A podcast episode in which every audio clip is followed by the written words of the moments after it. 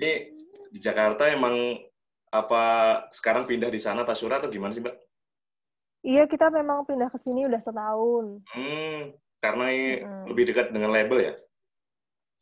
Karena waktu itu sih sebenarnya merespon pendengar kita karena kebanyakan dari Jakarta kan. Hmm, Terus juga apa dalam menulis kita kita mau ketemu lebih banyak orang yang be- betul-betul mengerti permasalahan khususnya soal pelanggaran HAM, hmm, isu sosial gitu loh. hmm, Sepertinya pusatnya di sini ya. Banyak uh, ya kita bisa dapat info terkini gitu ya kalau dari sini tuh.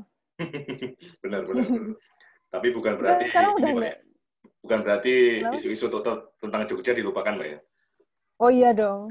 Kan kita tetap eh si Danang tuh ada grup konsolidasi sama teman-teman Gejayan memanggil, jadi dia selalu Oke. tahu Hmm. Kemarin sekarang kita udah nggak di Jakarta. Mas. Gimana, gimana? Kenapa? Kita sekarang udah nggak di label, kita jalan sendiri lagi. Oh, nggak di Juni lagi? Udah nggak. Oh. Berita baru nih kayaknya nih. Saya baru dengar. Oke, oke. Iya betul. Nah, Kenapa tadi bilang apa Mas Heri? eh, kemarin juga turun aksi juga waktu di Jakarta, Mbak? Anak-anak Tasyura atau enggak? Sempet beberapa kali. Oke. Memang memang nggak nggak nggak sempat semuanya kita hadiri ya, yang pasti yang besar-besar aja kita datang. Ya, ya, ya, ya. Oke, Mbak. Ini kan Tasyura kan dari Hmm. dari dulu kayaknya dari kan dari dulu fokusnya tuh tentang sosial politik ya? Atau emang dari awal terbentuknya tuh sudah fokus ke situ sih, Mbak? Lagu-lagunya itu tentang sosial Hmm. politik gitu. Ya secara nggak nggak sengaja ya. Hmm. Maksudnya kita nggak nggak pernah nggak pernah terus di dibikin di konsep memang mau ngomongin ini tuh nggak nggak kayak Hmm. gitu aja. Kan be- beberapa mungkin eh kita sering mendapat pertanyaan semacam ini kan kayak kalian Iya. memang bikin lagu yang eh, ngomongin soal masalah sosial ya gini gini gini. Hmm. Ya sebenarnya dari dari awal kita nggak pernah punya plan supaya bikin lagu yang ngomongin itu gitu Oke. Karena kita hari-hari membicarakan itu, terus ketika kita berkarya jadinya keluarnya kayak gitu, gitu aja sih. Hmm. Nah, anak-anak visipol kayaknya ya. Kamu masih kuliah atau udah lulus? Mas? sekarang lanjut S2 Mbak di di visipol di komunikasi. Lah iya. UGM, S1-nya ya. mana? S1 saya dulu UMY. UMI ambil? Ambil bahasa Inggris, gak nyambung sih. S2-nya komunikasi karena ya biar dikaitin aja sama kerjaan gitu. Atau gitu. tapi online ya? Eh, ya, tapi aku udah semester 3 sih. Dulu sempat nggak online setahun kan. Dia mulai online sejak, Oh iya. sejak April ya, April. Awal April tuh udah mulai online terus sampai sekarang. Oh, dosennya siapa ya, Mas? Kalau S2 tuh ya Bang Abrar, Mas Nyarwi, Oh, emang benar. Mbak Novi gitu. Ya, ya, ya, ya. Oh iya Mbak Novi di S2 sih. Eh. Dulu Mbak ya komunikasi juga ya? Iya, tapi aku S1-nya. Ah. Mhm. Berarti anak-anak Tasura tuh komunikasi semua atau gimana, Mbak? Aku doang. Oh, yang si Dita sama Danang itu Hmm. manajemen FEB. Oh, oke oke oke. Hmm. Dulu. Nah, Oke, Mbak, lanjut terus. Iya. Kalau lirik-lirik Tasura itu kan kalau saya lihat tuh bahasa yang digunakan tuh bahasa-bahasa baku ya, bahasa Indonesia yang baku dan kesannya kaku gitu loh. itu memang ada pattern kayak mau kayak gitu terus atau gimana sih, Pak? Atau ngalir aja lagu-lagu itu? Lirik-lirik kayak gitu. Ya, kita juga nggak tahu ya kenapa kok penulisannya keluarnya seperti itu. Hmm. Sebenarnya pengen pengen juga bisa punya kemampuan nulis lirik lugas kayak Hindia gitu. Ah, Bener kayak orang ngomong Fis kan juga sama ya Baskara semua. Tapi entah kenapa kayak kita belum sampai maksudnya eh autopilotnya kita bikin liriknya ya gitu. Kata-kata yang kata-kata yang keluar dari kita oh seperti ini ya udahlah nggak apa-apa deh eh, gitu. tapi nggak nggak ini ya, nggak di pattern gitu ya, harus gini ini. Enggak sih, enggak Enggak ya? sih. Hmm. Hmm. Tapi kebanyakan lagu Tasura tuh yang nulis Mbak sama Mas Danang ya? Iya, Oke, oke. Tapi belakangan ini Dita udah mulai ikut nulis lirik juga. Hmm. Kalau inspirasi ini Mbak, misalnya kayak saya saya pernah eh, nonton tuh efek rumah kaca misalnya, dia tuh Ya. salah satu inspirasi menulis liriknya tuh Iwan Fals gitu. Mas Koli uh. Kalau Mbak dari Tasor sendiri gimana? Apa yang jadi inspirasi nulis lirik? Uh, uh, siapa ya? Sebenarnya juga nggak nggak pernah. Hmm. Ya, kalau kalau kita aku Danang gitu hmm. uh, menulis lirik tuh nggak pernah. Eh yuk kita nulis lirik. Pengacu ke siapa Eros Chandra gitu misalnya nggak nggak nggak seperti itu sih nggak maksudnya nggak yeah, yeah, yeah. nggak serta merta kayak gitu mas cuman hmm. emang uh, kita punya karya-karya yang mm, sudah familiar di telinga kita gitu loh. Dan okay. itu di antaranya ya ada Eros, ada ah. Ahmad Dhani. Oh, Okay. Terus aku tuh suka banget gaya penulisannya Mas Ugoran Prasad dari Melancholic Beach. Mungkin okay, itu terus ya. jadi ini ya mempengaruhi gaya penulisan ya. Hmm. Bisa dibilang kayak gitu deh. Jadi tiga musisi itu ya yang cukup mempengaruhi ya. Bisa dikatakan gitu ya? Ya bisa bisa dibilang kayak gitu okay, okay. Karena yang benar-benar kita kita kita selalu senang aja sama lirik-lirik mereka gitu. Hmm. Terus kalau saya dengar juga Tasura lagunya tuh pure bahasa Indonesia semua ya. Uh, apakah memang itu ada semangat uh, nasionalisme tersendiri dalam dibalik lagu berbahasa Indonesia itu, Mbak? Uh, mm, nggak, ya lagi-lagi nggak serta merta kayak gitu sih. Karena hmm. kita mikirnya kita mau lagu kita didengarkan sama orang-orang terdekat ya hmm. akhirnya juga teman-teman kita orang Indonesia juga gitu ya, sebisa mungkin bahasanya dekat dengan okay. pendengar ya, maksudnya juga bisa lebih ditangkap ya kali ya iya ya hmm. meskipun kita sempat beberapa kali ditanyain orang gitu hmm. kalian nggak pengen bikin bahasa Inggris po siapa tahu uh, lagunya bisa menjangkau wilayah yang lebih luas lagi toh ini isu isu kemanusiaan dan sosial itu kan cukup universal ya. Hmm. Tapi kita belum ini sih uh, untuk mengeksekusi itu kayaknya uh, ya belum aja. Kita sedang fokus ke lagu-lagu berbahasa Indonesia sekarang. Oke oke oke. Terus ke depan gimana Pak? Apakah Tasura juga masih akan konsisten dengan isu-isu seperti sosial politik kayak gitu Mbak? Atau ya mudah-mudahan sih Tetap bisa ya. Mudah-mudahan kita hmm. bisa selalu konsisten hmm. selama selama isunya masih perlu diperjuangkan ya. Hmm. Aku pikir hmm. aku pikir konsistensi itu sangat dibutuhkan. Hmm, oke oke oke. Terus uh, ya aktivisme itu kan kalau bisa dikatakan identik dengan anak muda ya. Tas uh, Mbak ya. sendiri itu mau, mau menanggapi itu gimana Mbak soal aktivisme dan anak muda Mbak? uh, semakin banyak uh, anak muda yang terlibat hmm. sekarang ini. Ini uh, kabar yang sangat menggembirakan sih sebenarnya. Kayak hmm. kemarin tanggal 8 ada aksi di Jakarta itu uh, setengah lebihnya kan mahasiswa, anak muda hmm. sampai anak SMA gitu ya. Hmm. Ya ini semakin dini kita uh, paham akan situasi, semakin hmm. dini kita bisa mengkritisi sebuah sistem, hmm. menurut aku sih semakin baik ya. Hmm. Jadi idealnya hmm. gitu mbak ya, pemuda itu juga harus ikut, ikut berjuang gitu ya, untuk kepentingan bangsanya gitu ya. Seperti ya mungkin ya kita kaitkan dengan semangat sebuah pemuda lah gitu. Oh iya, gitu iya iya dong pastinya.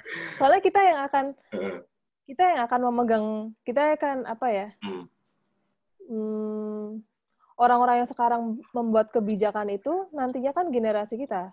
Iya. Yeah. Akan ada regenerasi itu dan kita perlu punya kesadaran soal kebutuhan menjadi manusia yang sebaiknya tuh gimana gitu ya dari hmm. sekarang lewat lewat mengkritisi itu bentuknya bisa jadi aktivisme di jalan di mana pun. Hmm. Menurutmu gimana mas?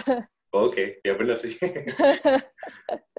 ya gimana terutama, terutama omnibus law ya ya kita sendiri yeah. sebagai wartawan yang juga buruh, padahal juga buruh juga ya. Sangat terdampak apalagi di pandemi ini kita juga kebanyakan loh uh, gajinya dipotong hmm. dan segala macam gitu. Kamu gimana mas? Oh iya, uh, sejak bulan sejak habis Lebaran tuh lah, sejak Juni ya, itu gajinya dipotong 40 persen. Gede banget ya? Bayangin sendiri UMR Jogja 40 persen. gitu. Waduh. ya Tapi, kita juga tapi beban kerjanya nggak ini sih diselang-seling sih kerjanya nggak nggak kayak uh, hari biasanya gitu. Oke. Tapi kayak tunjangan-tunjangan gitu ada nggak? Kemarin sempat ada ini dari pemerintah gitu. Yang buruh digaji di bawah 3 juta kan dapat dapat berapa tuh? Oh dapat. Nah, itu kamu kamu dapat juga? Enggak, kebetulan. Karena aku belum daftar BPJS, harus BPJS kan. Oh gitu. Oh, jadi ya, Oke, ya oke, s- nyari-nyari sambilan bertahan hidup. Terus sekarang selain selain ini apa? Ada kerja sambilan jadi ini, Mbak. Desain-desain ini, jadi admin ini, admin akun bola gitu. Oh boleh lah konten ya. di situ, ya. Ya lumayan. lumayan. Oh iya, Mbak. Iya iya iya. Hmm. Mas Yura tuh terakhir kali manggung kapan ya? Manggung offline ya? Ah, ah. Manggung offline yang full band itu kita bulan Maret tanggal 15. Di mana tuh, Mbak? Pas di Jakarta. Ah, Eh, itu baru sehari atau dua hari PSBB dila- diberlakukan apa ya kalau nggak salah. Tapi si acara itu emang udah jalan hari kedua, hari ketiga gitu. Jadi kita tetap apa itu, Mbak? Apa? Video Fest atau bukan ya? Bukan eh, adventure. Aku lupa acaranya. Pokoknya Oh. soal apa namanya expo expo untuk adventurer gitu loh. Hmm. My Life My Adventure. Nah, terus semalam kita habis main offline lagi tapi akustikan di acara ulang tahunnya Mbak Melani Subono. Cuman Oh, semuanya oke. sesuai dengan protokol. Sedikit banget yang datang dan berjarak dan semua dirapid dulu. Oh. Kalau sinkronis besok, Mbak, ikut nggak? Enggak sih kebetulan kita. Besok di TV kok ya? Tayangnya ya? Iya tayang. benar. ya mau nggak mau sih, padahal ya juga udah rencana datang tuh. Oh. Kalau kalau Tasura sendiri sekarang personelnya berapa orang sih, Mbak? Kita sekarang bertiga. Bertiga ya? Berarti Mas Awan udah Hmm. nggak lagi? Awan udah enggak. Hmm. Yang lainnya berarti additional-additional aja ya? Kayak Iya. hmm. Paling additional juga cuma satu sih, drummer aja. Oh, jadi sekarang malah lebih minimalis ya? Atau gimana? Iya, benar. Kalau manggung berempat aja udah. Hmm, Oke, oke. Saya pengalaman cerita nih, Mbak. Pengalaman pertama Hmm. nonton Tasura tuh kalau nggak salah 2017. Di Nah, itu pertama main dong kita. di ini di Kridosono waktu Padi Reborn itu loh. Oh ya Allah, itu, itu Ah. panggung keberapa ya? Itu panggung kedua atau ketiga ya? Di 17 pokoknya. Waktu itu kan Wah, emang, awal. emang niatnya kan nonton Padi kan. Nah, terus waktu nunggu Padi tuh saya lihat Mbak tuh Mbak bawa bass itu wah ini Mbak Mbak botak ngapain? Gitu. terus wah, kok ternyata tampil dan waktu itu bawain ini kalau nggak salah sebelah ma- sebelah mata. Iya, terus sama lagunya Dewa apa satu lupa terus ada lagunya iya. kalau nggak salah Ruang. Iya, iya benar benar benar. nah, habis itu terus Pas sering ketemu sering nonton waktu yang seru tuh yang di ini yang di JSC yang hujan-hujan. Oh, Ya, yang tempat- molor sampai ya sampai tengah malam itu lah yang sama Enda Enresa kalau nggak salah Iya, iya, iya. Ya, oh, itu ada kamu, Mas. Saya nonton tuh. Saya ada fotonya sama Mbak Dita tuh. Thank you loh, Mas. Kita aja sampai nunggunya kayak ah, jadi apa enggak sih? Pusing. Eh, Ya Allah. Itu kalau CD kamu dapat dari acara yang mana? yang di ini, toko musik apa tuh Mbak? Podomoro ya? Atau Luwes ya? Yang mana? Ada, pokoknya di sesi tanda tangan itu loh. Launching Hmm. mi- mini album. Itu komplit itu pas personilnya. ininya, Heeh. pas launchingnya Iya. di Bukan kedai pas kebun. acara- Bukan pas acara live-nya, bukan. Tapi pas di toko kaset lah pokoknya, toko CD. Di kedai kebun itu ya? Iya kayaknya. Oh, Oke, oke, oke.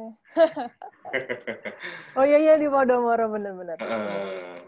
Yoi, sekarang-. Nyari CD juga susah ya, harus online gitu. Iya sih. Mau ketemu musisinya juga susah. Bingung. Oke, oke. Terus ini ke depan rencana Tasura gimana, Pak? Adakah mungkin single lagi setelah aparat dalam waktu dekat? Eh, kita sebenarnya udah nyiapin single. Jadi tuh kemarin kita sudah ready dengan dua single kan sebenarnya. ya, Udah udah final mix. Terus tahu-tahu eh, Danang kayak kayaknya kita harus segera rilis aparat ini deh. Jadi hmm, awalnya tuh aparat mau dirilis belakangan. hmm, Terus ya ada ada ini apa namanya? Kayaknya kita perlu untuk segera rilis ini ya udah. Terus aparat dulu. Nah, ini masih ada satu lagi yang tinggal di master. oke. Terus kita juga lagi ada hmm, akan dikolaborasikan dengan seorang sutradara perempuan dari Jakarta. Siapa Mudah-mudahan sih lancar buat nanti Sutradara perempuan siapa nih? oh ya, ngomong aparat mbak, itu lagunya hmm. baru diciptakan belakangan ini karena ada demo-demo dan ini atau sudah lama sebenarnya itu lagu itu? Sebenarnya sudah uh, idenya untuk nulis soal uh, salah tangkap itu udah setahun lalu oh. sebenarnya. Jadi awal kita datang ke Jakarta itu kan Oktober. Oke. Okay. Terus pertama kali manggung live itu November di acara reformasi di korupsi. Ah. Nah itu kita aku dan Danang waktu itu masih ada awan ya. Kita bertiga sedang ngomongin eh ngumpulin cerita-cerita kasus salah tangkap. Hmm. Belum ada bentuk belum ada bentuk lagunya akan bagannya gimana, nanti melodinya gimana itu belum ada. Cuman hmm. udah pokoknya kita peristiwanya aja dulu dikumpulin. Nah di acara reformasi di korupsi itu entah ini jodoh atau gimana ya, kita ketemu sama yang namanya Mas Angga Miga, panggilannya Mas Asta. Itu dari. LBH Jakarta. Terus kita ngobrol-ngobrol kan. Sekarang lagi uh, eh, LBH lagi ada proyek eh proyek LBH lagi banyak fokus ke apa nih Mas gitu. Hmm. Mas Asta ini cerita, "Ya, kita lagi uh, nemenin pengamen Cipulir yang kena okay. salah tangkap sama polisi." Itu kita kayak wah ini yang kita lagi tulis, kita lagi cari-cari. Terus akhirnya Mas kita boleh ngobrol lebih banyak nggak soal itu akhirnya dari mulai obrolan itu hmm. berlanjut satu tahun kemudian kita ditemukan juga akhirnya sama tiga dari pengamen Cipulir itu kan sebenarnya ada lima atau ada enam kalau nggak salah hmm. dua dewasa empat waktu empat waktu di diculik eh diculik waktu ditangkap itu masih usia anak-anak gitu. oh. nah kita dipertemukan dengan tiga di antaranya Terus kita ngobrol-ngobrol banyak di LBH kita dengar langsung kesaksian mereka soal uh, penyiksaan apa yang polisi lakukan waktu penyidikan. Jadi mereka ber, mereka semua itu ditangkap, diangkut sama polisi, dalihnya adalah sebagai saksi. Ah. Jadi mereka menemukan mayat uh, orang yang dibunuh sama teman pengamen juga sebenarnya. Ini mau ditolongin si mayatnya uh, orang yang udah sekarat ini. Hmm. Terus uh, udah huru hara gitu, polisi datang, mereka diajak ke kantor polisi katanya untuk hmm. jadi saksi. Hmm. Ternyata dalam prosesnya itu uh, disiksa segala macam, mereka harus mengakui bahwa mereka melakukan kejahatan itu. Okay. Ya udah akhirnya namanya anak-anak sudah disiksa sedemikian rupa. Pokoknya mereka mereka bilang, ya aku juga nggak mau ditendangin terus, aku nggak mau dikencingin terus, aku harus hmm. bilang iya gitu. Ya sudah akhirnya akhirnya mereka dipenjara atas kesalahan yang tidak mereka lakukan. Hmm. Itu kita sempat ketemu Cipulir, kita sempat eh, ketemu uh, kita datang di pengadilannya Mispo Guijangge itu adalah uh, remaja asal Papua yang nggak bisa bahasa Indonesia. Dia juga korban salah tangkap, dituduh membunuh 13 karyawan dari sebuah PT di 13. mana? Iya, padahal pada waktu kejadian itu si hmm. Mispo ini lagi berada di tengah hutan. Oh. Dan dia dia itu uh, ini dia cuma bisa bahasa Indonesia yang basic-basic kayak misalnya hmm, dia nggak bisa bilang aku mau makanan itu. Dia hmm. cuma bisa bilang uh, aku makan itu misalnya gitu. Yeah, Jadi yeah. banyak kata-kata yang kata sambung kata sambung yang dia nggak bisa.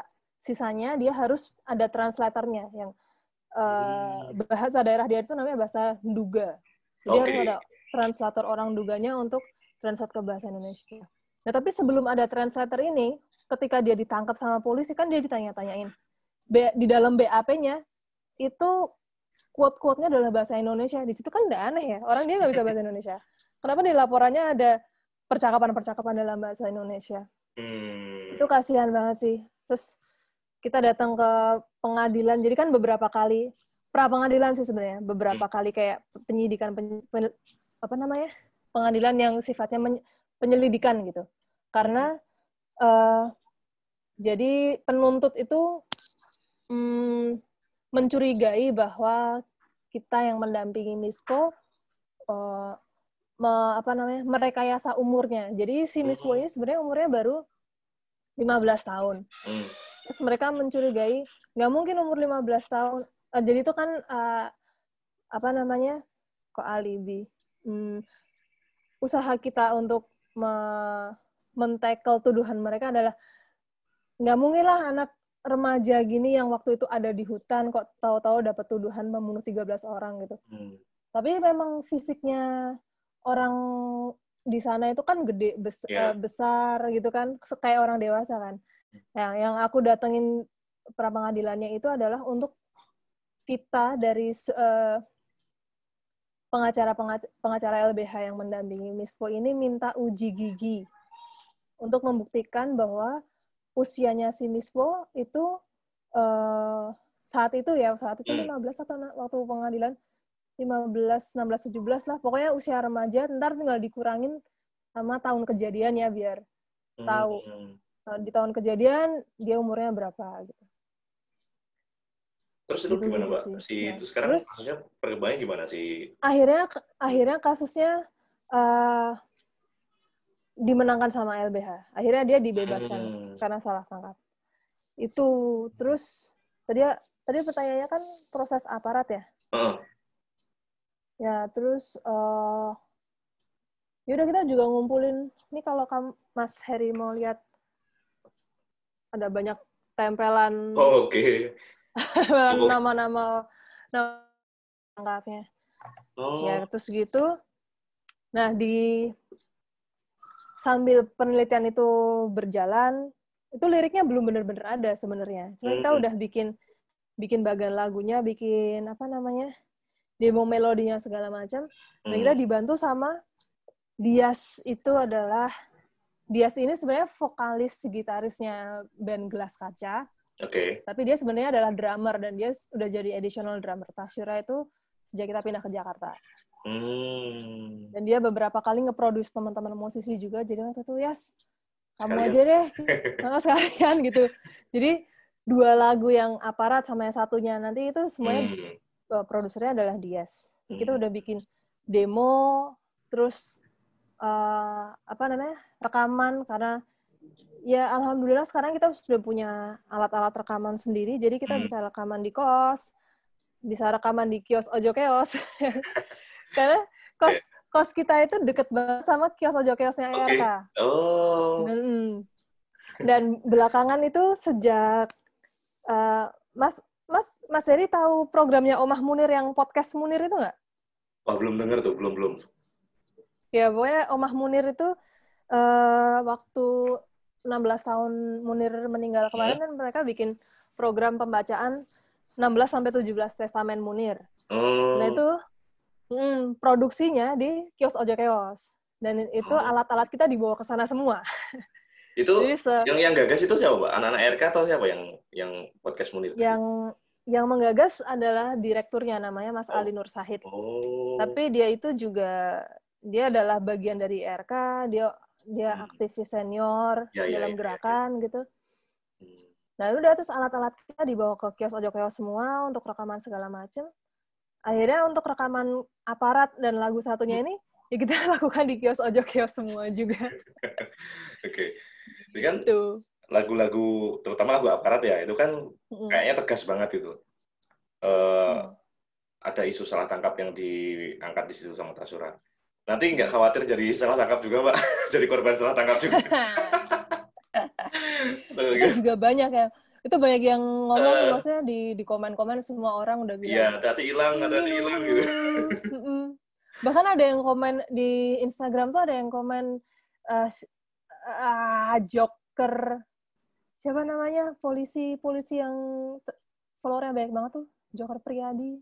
Nah, Kalau kalau pas buka apa Instagramnya Tachira coba Mas Edi Iya, cek iya, itu iya, tuh iya. mereka dua kali dimention orang itu.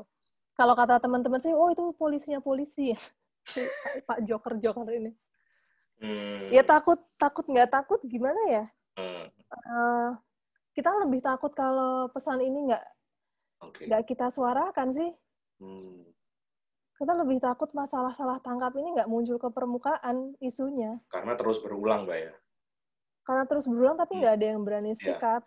Hmm, Pasti kan lagi-lagi ya takut ditangkap, takut dibungkam. Cuman hmm, le- lebih takut kalau pesannya nggak sampai aja. hmm.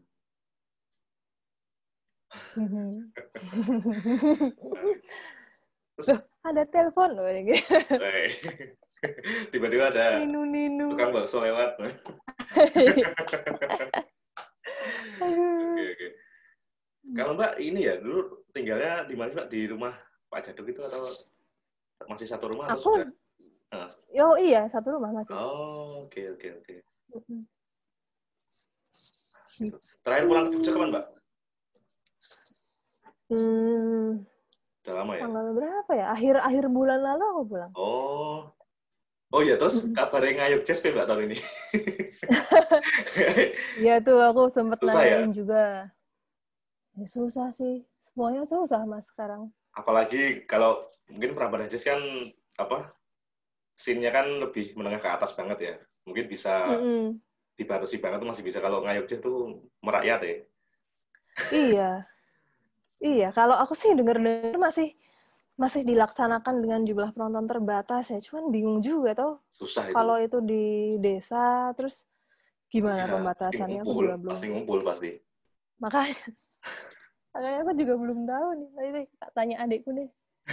Oh, sekarang adiknya yang ini, yang ngurusin adiknya jenengan. Iya, iya. Ah, oke, oke, oke. Rencananya di mana Mbak tahun ini? Se- dulu, sebelum ada pandemi, rencananya di mana? Sepertinya sekarang pun masih di daerah Godean yang mana ya, tapi aku lupa deh. Sama kayak tahun lalu atau beda? Beda. Beda, beda. Kayak kayaknya kalau dari kota sebelum areanya tuh sebelum yang tahun lalu, Hmm. kalau nggak salah ya. Hmm. Sidoakur apa ya namanya? Eh, salah. Kok Sidoakur sih bukan, bukan. Di atas, di utara. Tempatnya Oh. Jazz 2015 kalau nggak salah. Oh, oke, oke, oke. Pandowo Harjo mana gitu. Dingin-dingin, enak tuh harusnya. Iya dah. Lama banget juga nggak nonton live concert on offline tuh. Iya, aku juga ya. Sedih aku. Terakhir nonton Dewa itu waktu di JC. Oh, Yang reuni. oh kita udah di Jakarta. Eh, Kan di Jakarta deh kayaknya. Ya walaupun nggak begitu ini sih. Itu ada Ari Lasso sama Onco ya, dua-duanya? Cuma Once, Mbak. Karena itu kan anniversary album eh albumnya Bintang 5, album waktu, waktu pertama kali masuk di Dewa. Jadi ya Oh, sama Onco. Oh, oke, oke, oke. Nah, eh worth it sih 3 jam, hampir 3 jam, 2 jam lebih tuh. Eh, iyalah, Dewa. Sampai sekarang juga masih denger-dengerin Dewa, Mbak? Atau ada justru Masih lah. Masih lah, Album- legend itu mah. album favoritnya apa? The best of yang semua lagu bagusnya ada di situ. Oh. Oke, oke. Ya, itu apa ya? Bintang 5 sih. Oh iya, Bintang 5 emang itu hit semua itu sih. Iya. Hmm, oke. Top. Lagi ya. Ini sekosan bareng sama anak-anak lain, Mbak? Dita dan Mas Danang juga atau Betul. Bareng-bareng ya? Berarti Heeh. ngumpul dari sisi. Iya. Kalau live bisa bareng cepet. Ah. Oke, oke, oke. Hmm. Kayaknya udah cukup segitu sih, Mbak. Nanti kalau misalnya ada apa-apa saya hubungi Mbak lagi deh. Siap. Ini Zoom tuh Zoom yang bisa berjam-jam itu, Mas? Sekarang kayaknya ini sih, udah nggak dibatasin sih. Oh iya toh. Lah ini, tadi aku setnya dua jam sih, tapi nggak tahu. Kayak terakhir 45 menit ya? Ya, ya mungkin karena semakin banyak yang pakai, dong kuliah juga pakai ini terus ya. Oh iya, bener. Tapi kan kalau kuliah yang ngebuka roomnya bukan kamu, Iya sih. Adminnya Visipol Mbak Okta. Mbak Okta. Kamu tuh angkatan berapa sih, Mas, S1-nya? S1 2013, Mbak. Oh, UMY 2013. Tapi aku Nah, Mbak, tahun berapa? Inggris. Tahun berapa? Ini 2011. Oh, 11. Oke, oke. Ada nggak sih anak komunikasi yang S1-nya kom, terus S2-nya kom juga? Ada, ada. Siapa? Anak 2013 semuanya tuh, mungkin kenal Bondan. Oh, Bondan tuh ambil S2. Ya, se- seangkatanku dia Bondan. Terus Kok sombong banget, Nan? Bondan, terus apa lagi ya? Terus? Lupa aku, Sekir. Ya, temannya Bondan itu. Oh, aku nggak, aku nggak inget. Terus, Aku kok aku taunya Kan Bondan Bondan sih. kan sering jadi MC tau, jadi mungkin banyak yang tahu dia. Iya, iya, iya, iya. Tapi aku emang deket sih sama Bondan. Oh, Soalnya Korea-Koreaan gitu. aduh. Iya sih, emang kayaknya tesisnya pun tentang Korea-Koreaan loh. Oh iya, masih. Kalau dulu, Kok udah tesis sih? ya ini udah proposal mbak, semester 3. Hah, masa cepet itu ya? Iya kan, iya masuk 2019 aku tuh, sama Bondan juga. Kan empat- Oh, 4 semester cuman. Oh, cuma dua tahun ya? Iya, oh, tertarik nih. Sini mbak. Lihat lagi. Aku tuh malah pengen mag- ini MM Oh, Magister Management. Karena dikomporin temanku. ah, lebih berguna gitu ya, misalnya di kerjaan sekarang atau gimana? Ya, kayaknya ya itu itu juga sih. Hmm. Cuman kayaknya ini aja potensial membangun masa depan. Hmm. Masa depanku. Iya, Masa depan iya. orang berbeda-beda. Ya, sekarang kayaknya juga survive dulu dari Iya keadaan seperti ini tuh. Nah, sih, bener. Tapi udah ini deh, udah hampir udah lebih dua tahun nggak pulang. Loh, kamu asli mana sih? Asliku Jambi, Mbak. Kok nggak ada logat Sumatera ya? Bapak Ibu kok Semarang. Oh, pantesan. Transmigran saja, ya, numpang, Pantesan. numpang hidup saja di sana. Iya, iya, iya, iya, iya. iya. Tapi bapak ibumu di Jambi? di Jambi, di Jambi. Ya, Oh, ya nantilah sekalian wisuda sekalian pulang ya. top, top. Kamu kalau teman-teman apa Gejian memanggil itu kamu ikut nggak mas? Kadang, kadang teman aku nggak nggak yang ikut konsolidasi, cuma ya ikut mantau aja, ikut aksi, aksi. Pantauan. Nah, Yang terakhir, iya sih, iya sih. Yang terakhir di Di Malioboro. Eh kalau yang di Malioboro kamu ikut? Ah, ikut. Mantau tapi dari jauh dari gedung DPRD-nya itu, tapi cuma dari atas aku sama teman-teman wartawan tuh. Oh, Nggak kamu ada. sampai sampai kejadian kebakaran tuh kamu ada di situ? Aku nggak lihat sih mbak itu, cuma kayaknya udah udah geser itu kami itu karena wah chaos banget. Gedung DPRD aja motor rusak segala macam tuh, kayak panik kan. Nah itu nggak tahu juga itu. Katanya ada yang memang menyusup dan membakar, ada yang bilang bukan mahasiswa, ada yang bilang mahasiswa nggak tahu deh, cuma siur tuh. iya. Aku mau nanyanya tuh soalnya sebenarnya siapa? Iya, iya, iya. Oke, oke, oke. ya karena juga kayaknya s- agak sulit juga kalau mahasiswa ya soalnya itu kan punya jelas-jelas bukan punya pemerintah ya bukan punya Pemda ya punya swasta ya itu kan kafe itu Mm-mm. Mm-mm. Jadi, Kalau dari informasi yang beredar kan itu hmm. Ada konslet, terus konsletnya kena tembakan gas air mata kan katanya. oh Makanya jadi makin gede apanya. ya tahu. Se yang beredar di sosmedku sih itu ya informasinya. sekarang juga Makanya- belum belum ada ini maksudnya kadang-kadang polisi kan ng- ngasih rilis tuh Mm-mm. belum ada ini, ini. Oh, sekarang nggak? Belum. belum Mm. biasanya bisa biasanya emang gitu sih kalau ada kasus ini mereka nggak ngasih rilis Ada. kalau undangan ini yang bagus-bagus baru kasih rilis Oh, iya lah. Sebel. oke oke Oke. Oke. Oke deh, Mbak. Kayaknya gitu. Oh iya, ini Hmm? tadi aku ini fotograferku tuh kan karena nggak bisa motret Mbak dan teman-teman tuh minta ini dikirimin fotonya Rasuna. Hmm. Foto yang bertiga. Ah, ya, ya bertiga Oke. atau pas manggung boleh deh, mana deh. Foto ntar. Ini jawab pos Jawa atau radar Jogja, Mas? Ya rada Jogja, Mbak. Tapi kan Oh, itu satu grup, radar Jogja. satu grup Jawa. Iya, iya, iya. Ah, Maksudku kemarin kemarin tuh waktu kita rilis aparat dapat rilisnya nggak? Nggak ada tuh. Atau mungkin temanku Oh, ya yang ada. ini, bukan aku ya emailnya. Ya, aku belum cek udah naik apa belum. Kalau belum aku mau kasih foto foto yang terbaru itu adalah foto rilisan itu. Foto Oh. kita maksudnya profil foto kita yang kita ambil untuk rilisan aparat Oh, yang pakai baju hitam-hitam itu ya? yang pakai masker. Apa udah ada? Nggak, saya belum cuma lihat di Instagram aja sih, Mbak. Oh iya, itu maksudku. Hmm, Atau mau profile picture yang kelihatan mukanya? kalau bisa yang kelihatan sih, Mbak. Hmm, Ya, itu boleh juga aku cari. dikirim. Yang kelihatan mukanya juga Hah? dikirim juga nggak apa. Oh iya, ntar tak cariin dulu ya Mas ya. Oke. Kamu butuhnya kapan? Ini terbit hari Minggu sih. Oke. Ya. Jadi untuk mingguan gitu berita-berita. Oke, oke. Oke.